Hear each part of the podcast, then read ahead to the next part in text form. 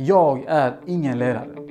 Det är heller inte min intention att bli en ledare eller att ta på mig en ledarroll av någon form.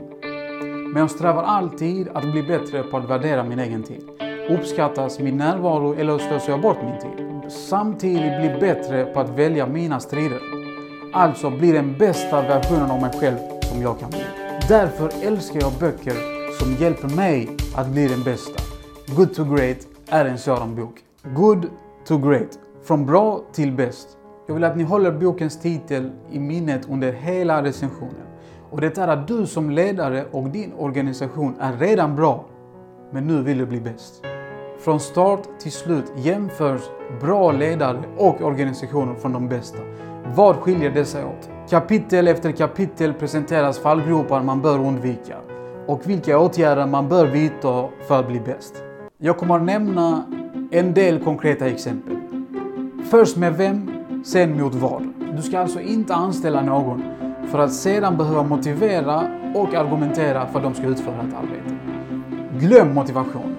Alltså rätt person på rätt plats. Vem är då rätt person på rätt plats? Självfallet i första hand en kompetent person med egen drivkraft. En advokat som vill inget annat än att vara en advokat.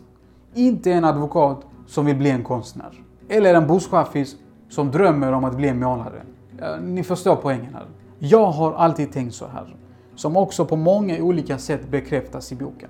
Om du hittar en person som otvivelaktigt har hittat sin identitet och som inte analyserar sönder och grubblar om sin position i livet och valet av yrke man har gjort, gör allt för att behålla den här personen.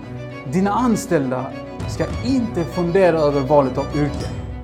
Valet har man redan gjort. Undvik nyckelposter till odugliga. Alltså avvakta istället för att anställa om du inte har hittat rätt person. Se till så att fel person hoppar av, rätt personer hoppar på. Din energi ska förbrukas rätt, inte på fel personer. Livliga debatter och heta konstruktiva diskussioner är nyttiga för arbetsplatsen. Men när du väl har tagit ett beslut så är det inte meningen att du ska ha medarbetare som sätter kroppen i processen. Optimism är bra, men förankra det med din verklighet. Det är två frågor som du och din företag måste ha svar på. Vad kan du och din företag bli bäst på? Vad kan du och din företag inte bli bäst på? Identifiera din styrka och svaghet. Släpp det du är dålig på. Gå efter det som du kan bli bäst på. Jag vill att ni lyssnar på mig noga nu för att detta är väldigt viktigt. Det finns ingen skillnad på en bra ledare och den bästa. Förutom en tydlig skiljelinje. En bra ledare bygger upp sin verksamhet runt sin egen personlighet som de anställda förlitar sig på. Vilket funkar så länge man är kvar i företaget men det går åt skogen så fort man lämnar. Detta kan tyckas konstigt men en bra ledare vill att det ska gå åt skogen så fort man har lämnat. Så att man i efterhand kan peka och visa hur det går utan en. Nu ska du få höra skillnaden på en bra ledare och den bästa. Den bästa ledaren bygger upp en verksamhet som är självgående. Som inte är beroende av en ledande figur och som funkar oavsett vem det är som är. Sen samtidigt genom att visa resultat och vara bäst så lockar du rätt personer. Vilka som sedan är rätt för dig, det bedömer du själv. Vem skäms för att säga att man jobbar för ett vinnande koncept som IKEA eller Apple? Ingen. Alla vill vara en del av det vinnande laget. Fortsätt bara att vinna. Men kom ihåg detta. Ingen bok, ingen teori, ingen människa, ingen större institution är starkare än din egen vision.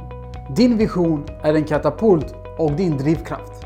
Men när du väl är igång så hjälper böcker och teorier att styra från omvägar och fallgropar och styra rätt. Så vill du bli den bästa ledaren med den bästa organisationen? Eller vill du som jag bara kunna se vilka ledare och organisationer har anlag för att bli de bästa?